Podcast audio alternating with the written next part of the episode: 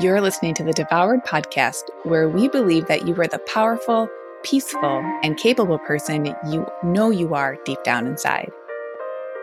Join me, nutritional therapy practitioner Lucia Hawley, as I help you redefine what your relationship to your food means to you. Now is the best time to dive deep into how breaking the food rules serves you and your plate in your life. Learn the best insights from amazing guests on this weekly show. So now that you're ready to dig in, let's help you tackle that mountain on your plate and in your mind. Just know that you are in the right place, friend.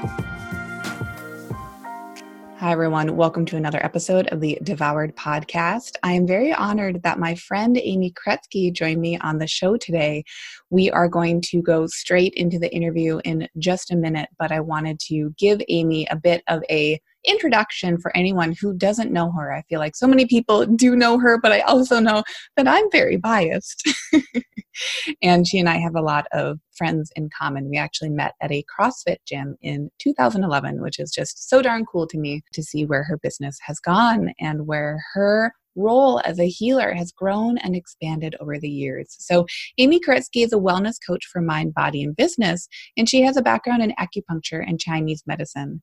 She is focused on helping female identified and non binary business owners thrive in the liminal space between work and life. And we really dive into that in the episode. So, definitely, if you identify with one or multiple of those different labels and qualifications, you're going to love this episode. Amy believes that the health of our physical and emotional bodies are very much tied to the health of our businesses. And that when we work in this overlap, we can build businesses that are heart centered and healing for both the individual and collective. So, enough of the introductions. Let's dive into our discussion. Well, I am just so flattered, Amy, that you came on the show with me today. I was thinking before we hopped on too, it's like, it's been a minute since we met each other. I was like, oh my gosh, I think we met each other in 2011. Is that I was thinking that too. I was like, I think I've known Lucia for like almost 10 years at this point. Which is bonkers to me because I feel like it was just yesterday I was stepping into that. We met at a CrossFit gym. so stepping oh, yeah. into that CrossFit gym. totally. So old friend, dear friend. Thank I'm so, so excited to be here, by the way. Like, yeah. I'm just super excited for us to have an opportunity to chat because, you know, we don't get to see each other at the gym on a regular basis anymore. And this is mm-hmm. such a fun opportunity to catch up and to share and to explore all this stuff together. Yes, yes. And we were able to see each other over the summer twice, which was so amazing. Yes. So tell anyone, I know a good handful of my listeners know you or are based in and around Minneapolis, and we have, you know, some overlap there. But for anyone who doesn't know you, can you give us a bit of your background and how you came to acupuncture, breath work, and your own personal journey? Absolutely. I'm going to try to make this as short and concise as possible because it is a meandering path. but uh, my name is Amy Koretsky. I am a breathwork facilitator for Mind, Body, and Business, and I have a background in Chinese medicine. I currently co own an acupuncture and complementary medicine clinic in the North Loop of Minneapolis called Constellation Acupuncture and Healing Arts. And then I also have an online business where I work with business owners, with soul, you could say, like business owners with heart, um, helping them navigate the challenges of running a business with following your intuition. And I do that through breath work and through coaching and through tarot. But how I got to this place of where I am now really started back in, you could say, like 2004, which is when I was graduating with an undergraduate degree uh, from Indiana University, and it was in art history. And I thought I was going down the path of like working at art museums for the rest of my life, which is what I'd always wanted to do. And I got sick, and I got like really, really sick, like the kind of sick where I had to fly home to Minnesota. My mom picked me up from the airport. She took one look at me and then took me to the doctors because I was like skin and bones. I had lost so much weight. I looked like a shell of myself. And after lots of tests and doctor's visits and all the things, I was diagnosed with ulcerative colitis, which then was diagnosed as Crohn's disease. But they're both inflammatory bowel diseases, and I feel like they oftentimes kind of go hand in hand. And so I was diagnosed with that. That was uh, late 2004. And I ended up having to move back home to Minnesota and going to the Mayo Clinic and taking a really big step back from all of my big goals and dreams and everything and basically moved back in with my parents. And at the time, I didn't have any sort of resources when it came to advocating for myself and my health. And I didn't really know anything about medicine or complementary medicine or taking my healing into my own hands. And at the time, my diet wasn't great. My lifestyle was very detrimental to my health in a lot of ways. And basically, took my own journey with my health, which so many of us do that come to this healing profession. And through several years, uh, learned about food as medicine, learned about herbs as medicine, learned about Chinese medicine, and basically took this very meandering path that eventually took me to graduate school for Chinese medicine. And in 2013, I graduated with a master's degree in Chinese medicine, was a licensed acupuncturist, opened my own practice here in Minneapolis. And then over the last several years, have grown that practice and allowed other tools to come into my consciousness and to come into my practice that both first helped me in my own healing and then was so impactful for me that I wanted to bring them to my clients. And so that's where things like coaching, things like breath work, things like tarot, they've all made really big differences in my own life. And and so I wanted to share them with the people that I'm here to help and that I love working with. And, and the sort of people that I tend to work with are people who are knowledge hungry. Like they really want to have their own input into their health. They want to advocate for themselves. They really want to take a much more active role in their health. And so they want to know how I've done it. They want to know how other people have done it. They want to learn all the things so that they can incorporate what works for them and create their own plan that allows them to thrive. That's incredible. yeah. So that's kind of where where I am now and the whole way I got there. that's not meandering at all. I think that's awesome. Um, Tell us what breath work is, because I think that term can perhaps encompass a lot of different modalities. So tell us about the type of breath work that you teach and that you use yourself. Yeah, absolutely. So, breathwork is a very generic term. You've probably done a lot of breathwork over the years. You know, anyone listening has probably done a little bit of breathwork, whether it's, you know, trying to ground and center yourself in a moment of stress and you just take a couple deep breaths, or maybe it's in a yoga class or some sort of exercise class in general where you're really utilizing the breath to help you um, even in things like weightlifting you're using a lot of breath for bracing yourself and for gaining more strength and more power the sort of breath work that I specifically do has a very intentional focus of moving stuck energy, specifically emotional energy around the heart. And so, although there's not a trademarked name around this style of breath work. It does have a lineage. I do have a teacher that I work with. And with this style of breath, we are intentionally moving energy throughout the whole body, but specifically to move things in the heart so that we can open up to ourselves, to our inner knowing, our intuition, to our own deep well of emotions, which so often in this modern society, we are basically taught to shut down and to not acknowledge in a lot of ways and to just put up this very strong and secure barrier to go through the world with. And also, when we break all that down, we allow ourselves to open up to energies that are bigger than us. And no matter what word you use, whether it's spirit or universe or God or, you know, any of those things, there is energy that is all around us, even if you are only considering like nature as that energy. But there is a larger ecosystem of energy that's all around us. And when we come into the breath and really open up in this way, we can co create with that energy in a way that can create results that are beyond our wildest dreams. It's no small feat right there. I know. I didn't realize we were going to go that deep right away. Sorry. We go we go deep here. No apologies, please. Um, how would someone know when their energy is stuck or kind of closed off or yeah. maybe like in a place of contraction versus this like openness? Okay, well, I love, first off, we're on a video call. So, like, I can see Lucia right now. And I love that when she was even describing that, her whole body just kind of like scrunched up, like her shoulders went up and like her arms kind of went in when she said the word contracted or, you know, something like that. And that really is such a great visual representation of what it feels like. So, people, I mean, so often clients come to me, whether they're acupuncture clients at the clinic or they're business owners that I'm working with online, they say, you know, I just feel stuck. Like I just don't know what direction to go in, or I just feel like I don't have any momentum or motivation. I just feel stuck. And sometimes that comes up where they're like, that feels like there's a knot in my throat and I can't express myself, or I have a tightness in my chest and my anxiety is through the roof right now, or maybe their digestion is bothering them because anytime their stress elevates, they just feel like things are bound up. They'll even use those terms a lot. Like, I just feel bound up.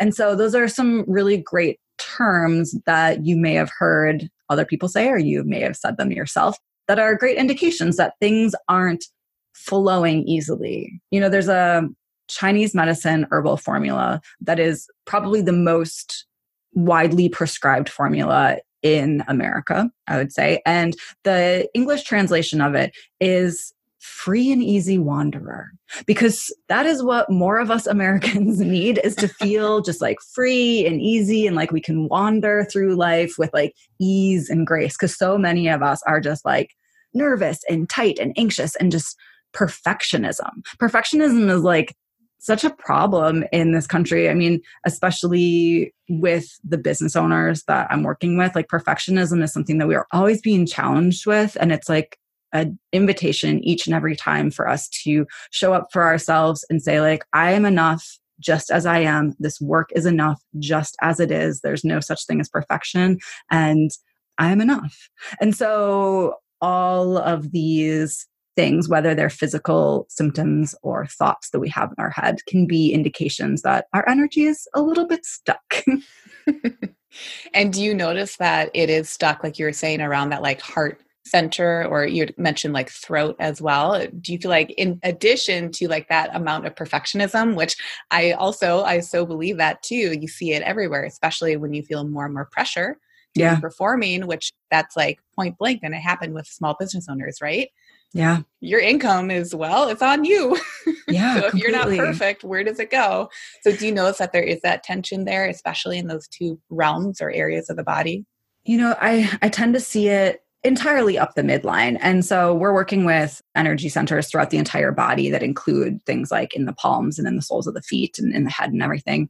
In breath work, we tend to be using more of the energy centers along the midline of the body. So if you're familiar with the chakra system, that's like one way to describe it. So with this, we're working with the energy center that's kind of below the navel. Um, so more of the digestive organs like the colon and whatnot. Um, say an emotion comes up and it feels uncomfortable, we tend to like want to push it back down. We don't want to feel it. And so maybe we'll eat something that pushes it back down. Like food literally like pushes that energetic sensation that we don't want to feel deeper into the body and it pushes it down. Or maybe we'll consume in a different way. We'll pick up our phone and we'll scroll Instagram for the zillionth time in the day. Or we'll check our email even though we just checked it five minutes ago. Or we'll pull up like our news feed even though you know we're well enough informed already from maybe like listening to npr in the morning and we don't need to like read for the trillionth time in the day, like all of the bad shit that's happening in the world right now. you know, there's all these different ways that we consume. And so we're just like pushing things down. So whether something is already in that lower energy center or a little bit higher up in the gut or all the way up in the heart or in the throat, what tends to happen is these energies want to like come up and move through our body and they feel uncomfortable. And so we're not taught how to sit with discomfort very often. And that's partly what breath work does because breath work is very powerful. It opens and cracks open your heart in the most beautiful way. But to get to that point, there's some discomfort that we have to move through. We have to heal these uncomfortable feelings, heal these heart wounds in order to get there. And so there can be a lot of discomfort in the practice as well. And part of what we're doing in breath work is we are learning how to stay with ourselves through those moments of discomfort and not abandon ourselves. And also to like, know that we are strong and we can like hold these energies in our body and allow them to move through us without, you know, they're not going to kill us basically. You know, you can be uncomfortable, you can be, you know, in grief, you can be in anger and it's not going to overtake you. Would you say that breath work is a practice then? Oh, 100%. I mean, going back to this whole idea of perfectionism, I think that, you know, the antidote to perfectionism is just to be an eternal student and like a practicer of something. And so for me, I definitely call it a breathwork practice because every time I'm like coming to it with new experiences or new new things that need healing and support one of the things that I love about breath work is that it's really different every time. I mean, it's the same exact breath pattern. There's a very specific breath pattern that we use in my lineage of breath work. And even though the breath stays the exact same every single time, the experience that you have moving through the practice is completely different every single time. And it's funny because oftentimes when you go to like a yoga class, there's a time in the beginning of class where you like set an intention for your class that day and like, you know, what you want to be bringing forward and a lot of things that we do in this world we're very intentional with and we like set intentions around them but the only intention that i really ever tried to set with breath work is to be open and curious and like available for whatever wants to come through. Because inevitably if i set an intention of working through some grief that i feel like i need to work through without a doubt like you know something around anger is going to come up or something like to do with my body that I didn't realize or something with my ancestors. Like it's going to be something completely different, but it's exactly what needed to happen in that moment. I just didn't know that that's what needed to happen in that moment. And so really showing up with this curiosity, I feel like is part of that idea of being a practice is just being eternally curious. I think that's so incredible. And what that reminds me of too is I feel like what I notice quite a bit is that in our American, North American culture, we love to be in our analytical brains. Like it's all left side all the time. But what I feel like I notice with practices like that, or meditation, or mindfulness, is that they help bring us away from that. I really believe that sympathetic state is like really part of that analytical state, and it moves us over into parasympathetic state and into our creative, emotional brains. Do you notice that happening either with yourself or people who you're guiding through breath work? Yeah, it's actually really interesting that you say that because yes, and no. I do 100% believe that there are some forms of breath work that are getting us out of the sympathetic and into the parasympathetic. And I think that that is so important, especially when we're working with digestive diseases. You know, like I said, I have a history of IBD. A big part of my own healing journey was lifestyle changes that got me out of sympathetic mode and into parasympathetic mode you know hence my deep love of acupuncture because i think that that is one of the best things that we can do when we have trouble ourselves getting ourselves out of sympathetic and into parasympathetic. You know stimulating those acupuncture channels can really help the body get into that state a lot better. And i think certain things like um, square breathing and there are definitely some styles like that that are all about getting us out of sympathetic and into parasympathetic However, this style of breathwork that I practice actually does not you know stimulate the parasympathetic nervous system. And there's a reason behind that. So this style of breathwork is all about moving stuck energy and it is about healing core wounds in the body. And in order to do that we have to allow that wound to actually be released from the body because this is all about getting out of the head and into the body. And i don't think that getting out of the head and into the body is synonymous with getting out of sympathetic and into parasympathetic because I think we actually can naturally hold a lot of sympathetic responses in the body already because we hold trauma in the body. Like our cells remember trauma you know you can even look at things like we both have lovely dogs and our dogs when they they can be a little stressed out sometimes and when they have like a stressful experience all of a sudden you see them like go to the side and shake out their body and it's like the way of like shaking that energy out of the physical somatic body and that's kind of what breath work does. It is a way for us to literally shake out the physical body and release some of that built up tension and the way you do that is actually by tapping into some of that sympathetic response. So, in this style of breath work, what we're doing is we are allowing some of that trauma that is deeply held in our cells and in our organs and in our bones to come up and physically be let go and like shook out of the body. And oftentimes that actually takes a little bit of a re experiencing of some of that trauma, but we're re experiencing it in a safe container of our creation. And so it is a way that we can move through that experience and fully release it in a way that feels as safe to us as possible, mm-hmm. basically. The Devoured podcast is sponsored by Branch Basics, creators of the safest home cleaning products from laundry soap to window washing. Their concentrate goes into different refillable and reusable containers that even the most chemically sensitive can use without worry. I've been using Branch Basics exclusively as my all purpose laundry, bathroom, hand soap, and more options for over a year. And if you like being safe, efficient, minimal, and more eco friendly, you'll love this company just as much as I do. Branch Basics is offering 10% off all starter kits for devoured listeners, so head over to branchbasics.com and use the discount code DEVOURED on your first order today. So to answer your question, you know, I do think it is all about getting out of the brain and into the body. I just don't think that that 100% is synonymous with getting out of sympathetic and into parasympathetic. But it is so so so important. And as an example from my own life, you know, as someone that lives with chronic disease in my gut, there's a lot of trauma that I hold in my gut. I've been in remission, quote unquote remission, since about 2000 10 and I've been completely pharmaceutical free since 2011.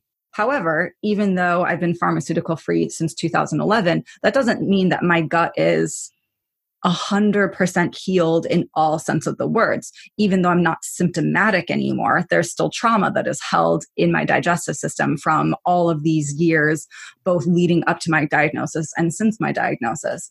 And so when I first started doing breath work, I would get a lot of physical sensation in my hands and my mouth and my face, kind of more in the extremities, but I didn't really get a lot of sensation. And when I say sensation, I generally mean like tingling, warmth, stuff like that, because you get a lot of tingling and vibration sensations in your body when you do breath work when you're like over oxygenating the body like that.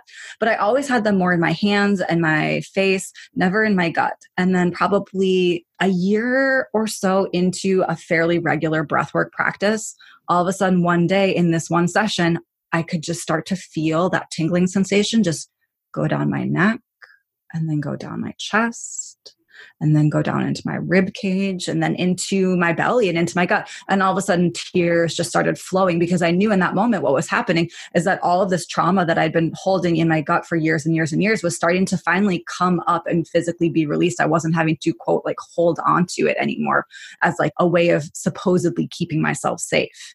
And so to me like there's all these different ways that we can touch into different parts of the body and release some of that sympathetic nervous system energy this trauma response in a way that feels really supportive and safe mm. i love what you said too where you were saying that you know your body had been holding on to that energy to that trauma as a way of supposedly protecting itself mm-hmm. can you speak a little bit more to that because i think what I find is that people can feel so much shame around trauma or around like their lack of healing or whatever is happening, then it like double down on that stress. So can you talk a little bit about what you see in yeah. terms of like that protective mechanism? Yeah, I mean, it definitely is a protective mechanism. And, you know, something that one of my dear friends and teachers, Barbara Aroshina, often says is we come to our coping mechanisms honestly which means that no matter what we bring forward as a way of having our brain feel safe, maybe it is eating, maybe it is drinking, maybe it is shutting down our emotions and being distant in different ways. You know, there's lots of different ways that we can cope with moving through our experiences either through life or through health or anything and we come to those honestly meaning at one point in time those things served us in some way. And so, although they might not currently serve us anymore and might not, most likely not, serve us in the future, we came to them honestly and you know with need and they served us in some way so in order to fully like release them and to transition into places in our life where we don't need those coping mechanisms anymore we have to honor how they did serve us at one way. And when we feel ashamed around them, then we aren't honoring them. We are minimizing the need that we once had for them. And without fully acknowledging them, honoring them, and then letting them go and grieving the loss of them, we mm. can't actually move forward. That's so profound. The grieving them and mm-hmm. like the release of them. Yeah, absolutely. You know, because whether or not it's something that actually is quote unquote healthy for us because that's such a ambiguous way of thinking about things um that thing was supportive for us. It really served us in some way. It was there for us when maybe nothing else was. Mm. And so we really do have to like grieve the loss of that when we choose to to let it go as we move forward. I love that that's also, it sounds like there's intention behind that, whether or not it's like fully conscious, but still that the recognition that like this has served me, this was adaptive at one point, mm-hmm. And even if it's become maladaptive or it's become less than adaptive or functional for me, yeah. I can still respect that like it brought me to where I am right now. And that in and of itself totally. Beautiful. And like this shit is a spiral. There's no linear line. Like I keep being like, you move from here to here, but there's no line to it. It is completely a spiral. You know, in 2010, when I transitioned off of pharmaceuticals, part of what I did to do that was I changed my diet in different ways and I stopped eating gluten. I've never technically been tested for celiac. And so I have this thought, this belief in my head that you know, my body doesn't do well with gluten, but like I'm not celiac. So like a little bit here or there, like isn't the end of the world. And what's funny is that, you know, this was many years ago. And I have this pattern that keeps showing up in different ways where every couple of years I'll be like, oh, but you know, I'm not celiac. So a little bit here and there, it's not going to like send me running to the bathroom immediately. So like, I'll let myself have a little bit of birthday cake or like, you know, it's Rosh Hashanah. I'll have a little bit of challah.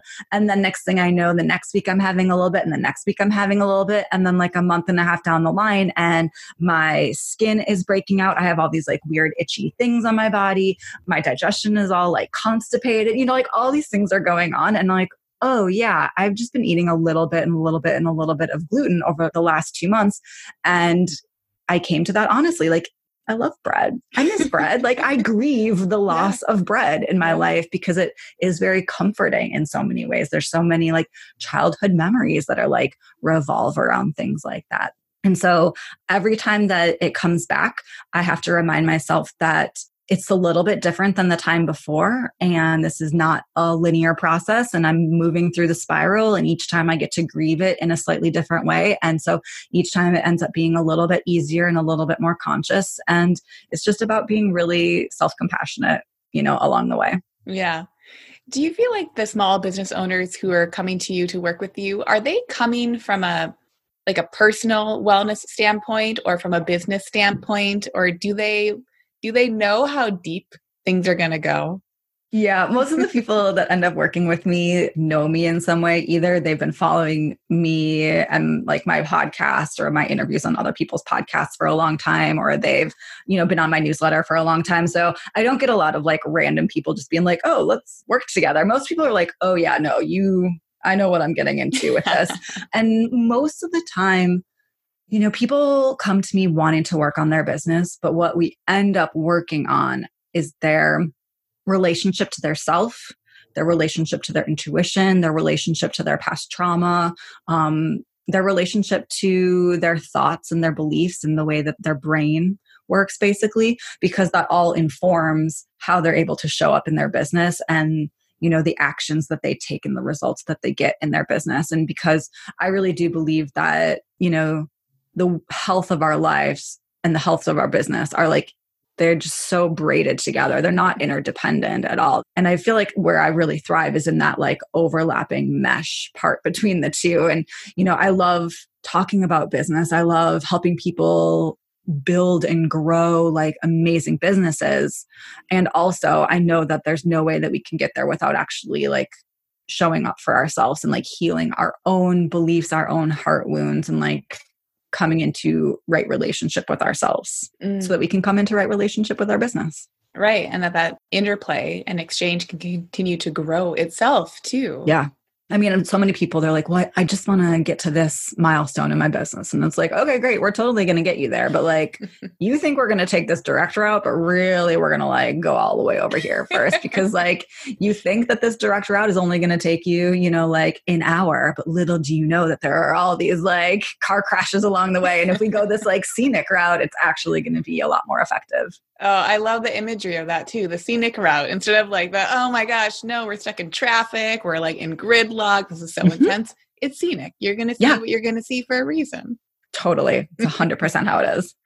Um, tell us a little bit about intuition because I feel like that's also a subject that you're so knowledgeable in and speak to that it's something that we haven't really touched on on this podcast yet. And we're starting yeah. to get there. Is saying like, what is that intuition? How do you build that relationship with it? What, yeah. what is all that? So can you tell us a little bit about that? Totally. Well, and thank you for saying that. That means a lot to me. Um, I'll start by saying that if you're listening to this podcast right now, guess what? You are intuitive. like every single person is intuitive. And so there's no there's no way that you can be like, well, this isn't for me because I'm not intuitive. We all have intuition and it's a muscle. And just like any other muscle, you can work it out regularly and strengthen it, or you cannot. And it'll just kind of like lay dormant and not be as like big and bulky as maybe a different muscle would. And that's totally fine. There's absolutely not a problem with choosing not to work it. However, if you're listening to this and it is something, a muscle that you would like to practice and to work a little bit more, I really believe that the first thing that we can do to more deeply connect to our intuition is to a get quiet. So maybe that looks like meditation. Maybe that looks like you know just going for a walk outside without your headphones. Maybe that looks like just spending a little less time with outside distractions like our phones or TVs and stuff like that. So, A, to get quiet, and then B, to you know, I want to say this in the most like gentle and affirming way possible, but it's to stop second guessing yourself because so often we so we're we're going to go down the rabbit hole for a second here.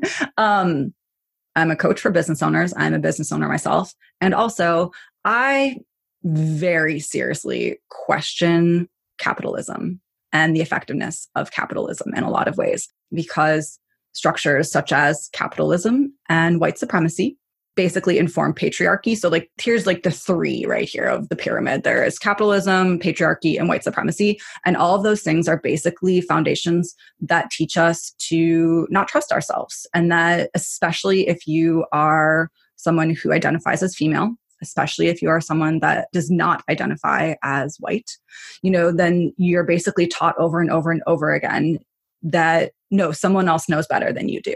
Really, like, do you actually believe that? Is that actually what's best for you? You know, sort of things. We're constantly being taught to second guess ourselves. And so when it comes to our intuition, what it is, is it is a opportunity for us to trust our own inner knowing that we all have inside of us all the time and to affirm and validate that that inner knowing is real which is huge and so to get deeper into your intuition, you get quiet, you stop second guessing yourself. And then, oh, I just had a third one and it just flew out of my brain. Obviously, it wasn't that important then. Let's just stay with the top two then, getting quiet and trusting yourself. I feel like so, so deeply about this that everyone does have uh, intuition in them. And it's just about giving it space to rise up to the top, which is where that quiet time comes in. Mm-hmm. And then really oh, I remember what the third one is. So, really trusting what our body is telling us, because the third one is that our body is wise. Mm.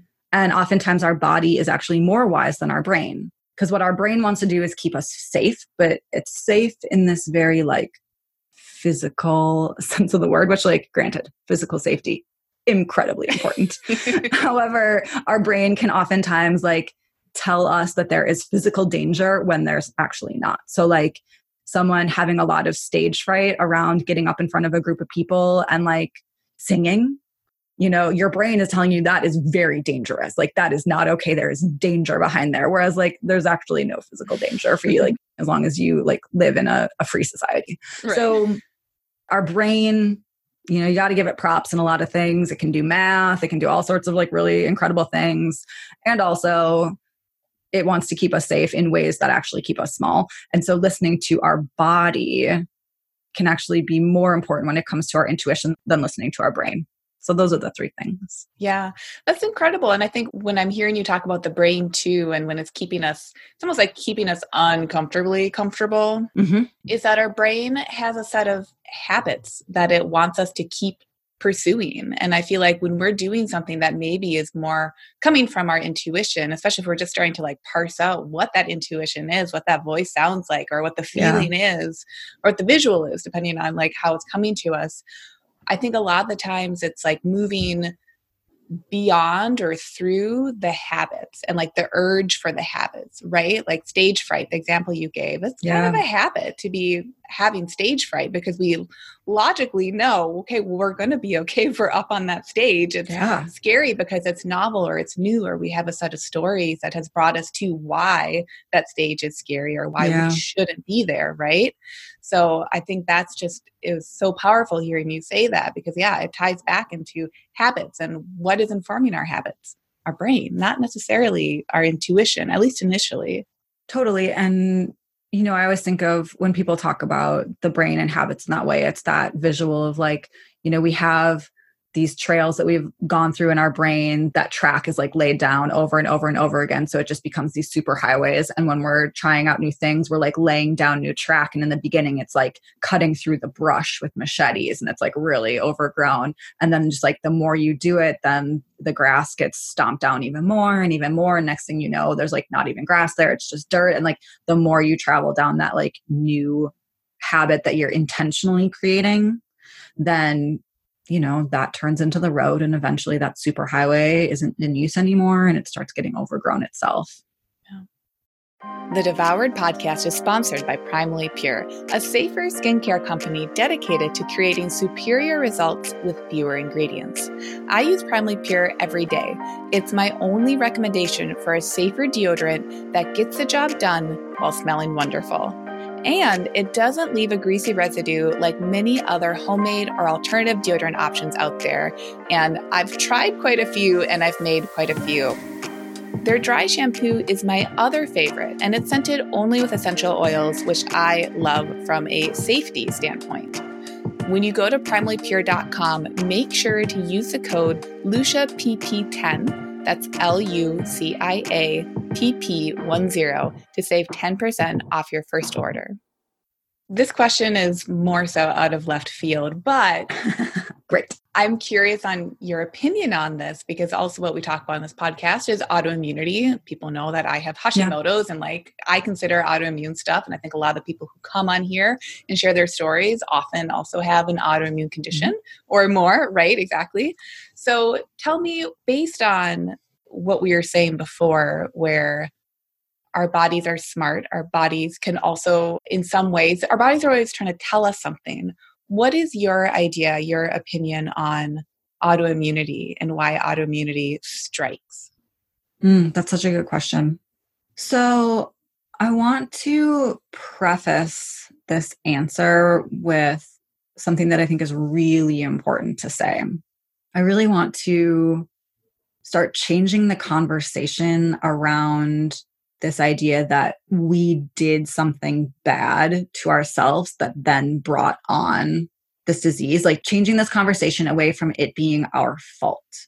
There's nothing, you know, that we did like karmically in this lifetime or in past lifetimes that then brought about disease for us. I really just want to let that old paradigm go because that is not helpful and it's not true in so many different ways. You can have two people that live a very, very to the T similar lifestyle, same diet, same level of stress, same job, and maybe one person is going to get an autoimmune disease and the other person isn't. So you can't just say, oh, because I was too stressed out and I had a shitty diet and all these things, like I got an autoimmune disease. Like it just happens.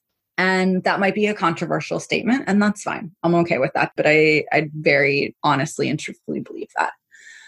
And also, the body is wise. And I think that when symptoms, you could say disease, but I'm going to say symptoms, come up in the body, it is the body's way of like setting an alarm and saying, like, things need to change. Like, we got to course correct in some way. I'm not telling you that you did this wrong or that this is your fault but this is where we are right now and we got to change things. And so that would be my thought. I'm going to jump into tarot for a second. So some of you like if you don't know tarot that's totally fine. Let this go right over your head. Or if you're more interested, we can talk more later and we can, we can give you more information. But the tower is a card in the major arcana of the tarot that is a shit kicker. Like there's just no way around it. It's a shit kicker. When the tower comes up, it's like, okay, there's something structurally unsound with this situation, this building, and we're going to tear it all down so that you got to rebuild from scratch from the bottom up. And oftentimes, when autoimmunity comes up, it doesn't even have to be autoimmunity, it can be any sort of life altering health condition. When that comes up, nine times out of 10, we hear from people afterwards, like, you know, it was a wake up call. It allowed me to change all these things. And now my life is better for it. I don't want to negate the fact that it is really, really hard in the moment to move through that experience. And it can be so devastating in so many ways. And there is so much grief and anger and confusion that goes through that process. And I completely want to honor that.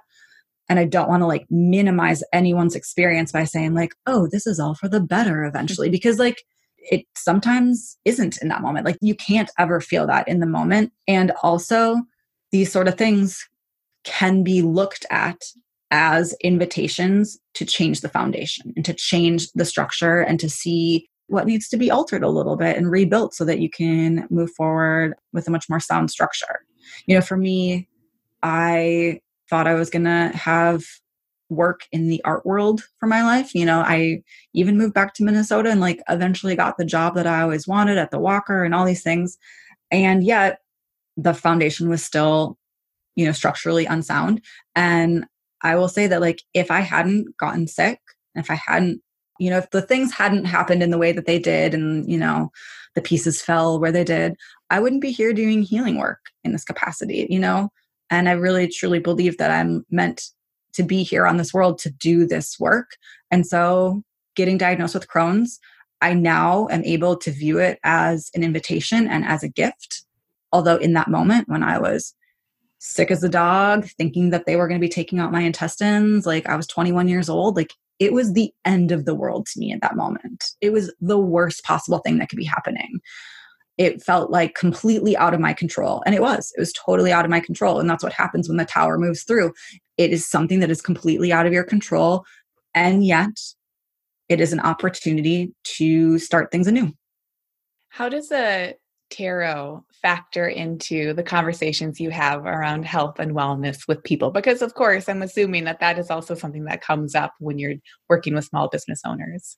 Yeah, I mean, kind of similar to like how it just did in this moment, even though I didn't like randomly pick a card and then interpret how that is showing up in this conversation. But it's like the tarot is basically a reflection of any experience that you could have as a human being. And so, so often we can use that as a lens to better explain the energy of a situation or, you know, any of that. So, in this moment, I used the tower as kind of like a lens and a story to better understand and better explain my my opinion around the question that you had. But like when i'm working with the client maybe in that moment we just need a little bit of clarification around something and maybe they're feeling really attached to a certain belief. Mm-hmm. And so we'll just ask the cards like well what is it that this client needs to know in this moment? And the cards are always going to have some like mic dropping.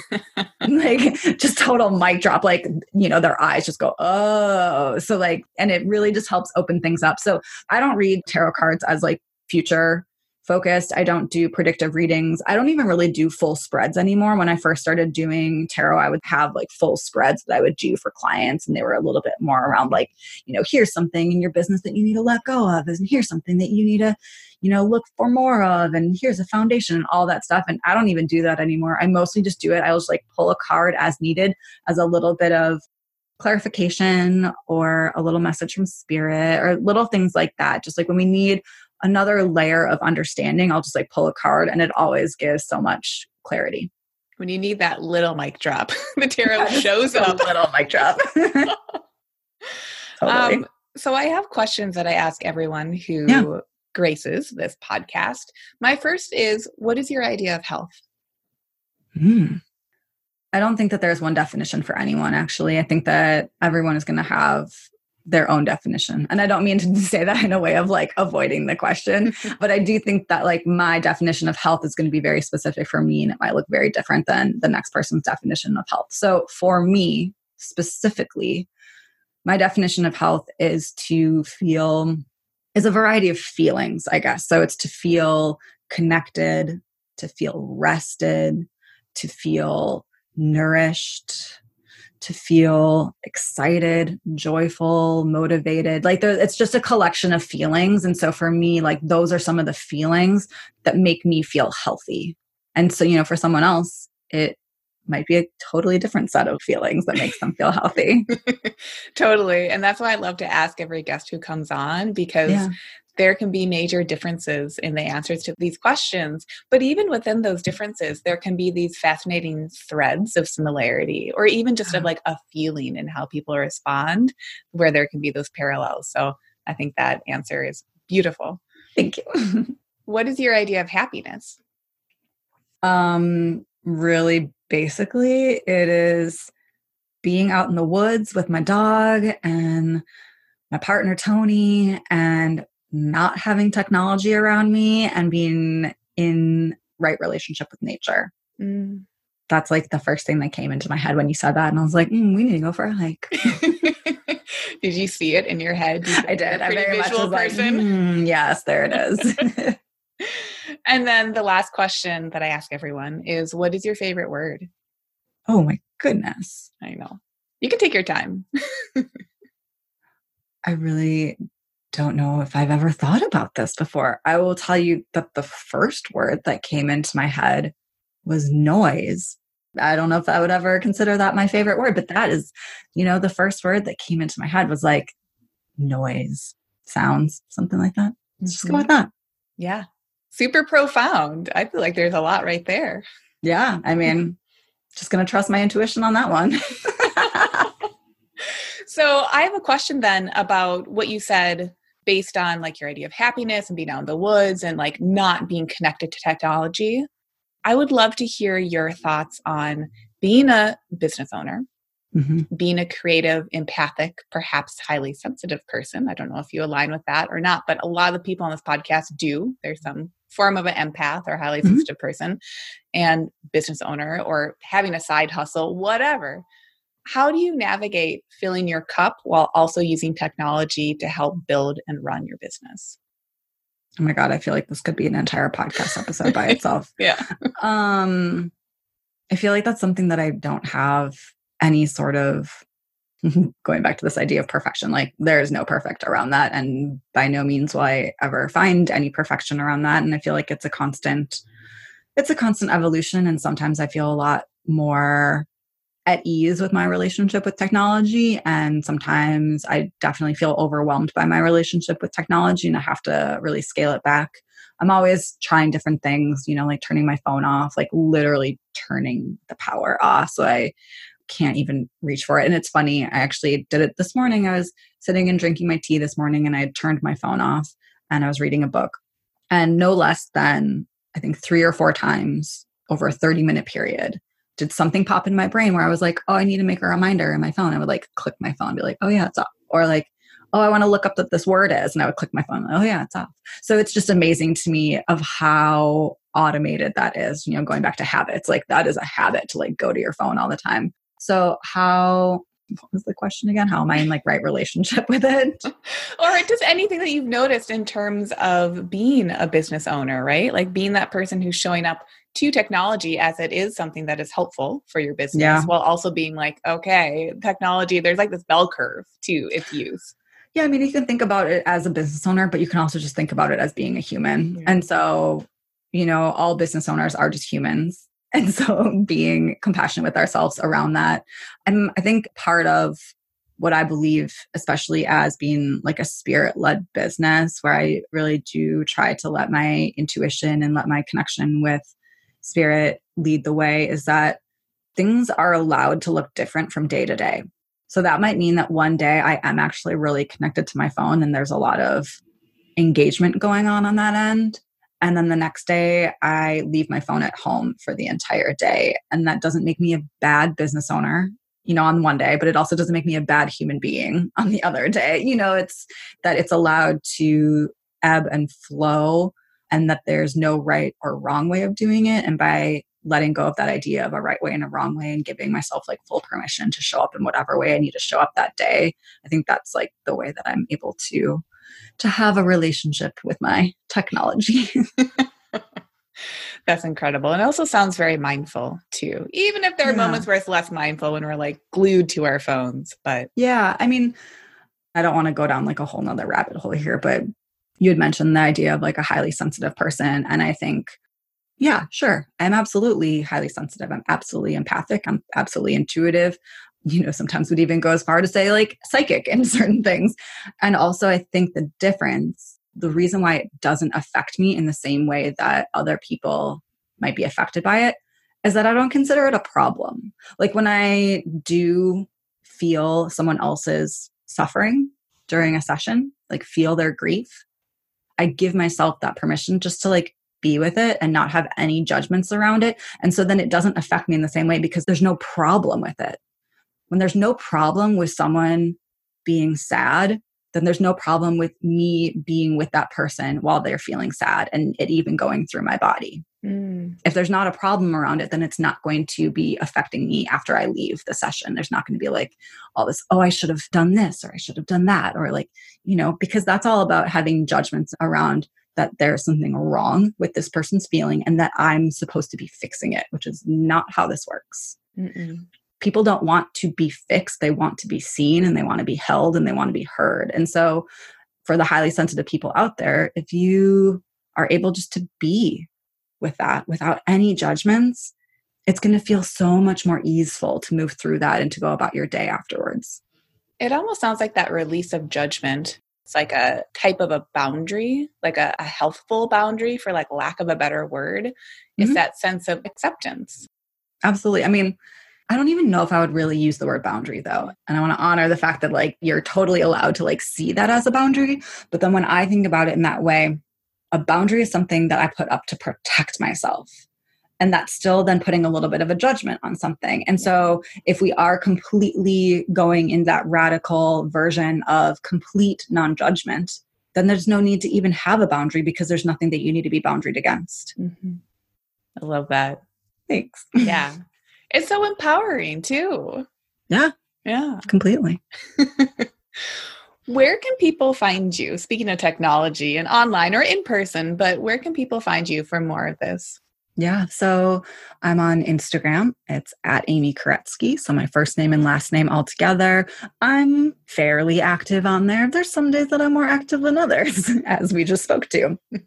but you can also find me on my website, once again, amykuretsky.com. I have a podcast called Health Fuels Hustle that comes out about every other Thursday or so. And then I have a newsletter also that goes out every other Thursday with the podcast. And I have on my website a five day you could call it like a free e-course to teach business owners how to do breath work and it's a, a bit of a taster to see what this sort of breath work is all about and to how it can help you kind of work that intuitive muscle to really trust yourself and your decisions in your business and so you can find that on my website i love that and we'll have everything linked up per usual in the show notes too. Thank you. Amy, thank you so much for coming on the show today. And I feel like it's just such a, I'll use the word again, an empowering episode. Thanks for listening to the Devoured Podcast. Jump into the show notes for this episode and all past episodes at devouredpodcast.com. And if you love the show, please take just two minutes out of your day today to leave a review. This helps us so much in spreading the word. Consider also sharing your favorite episode with a friend. Let's get food liberation for all, and we'll see you on the next episode.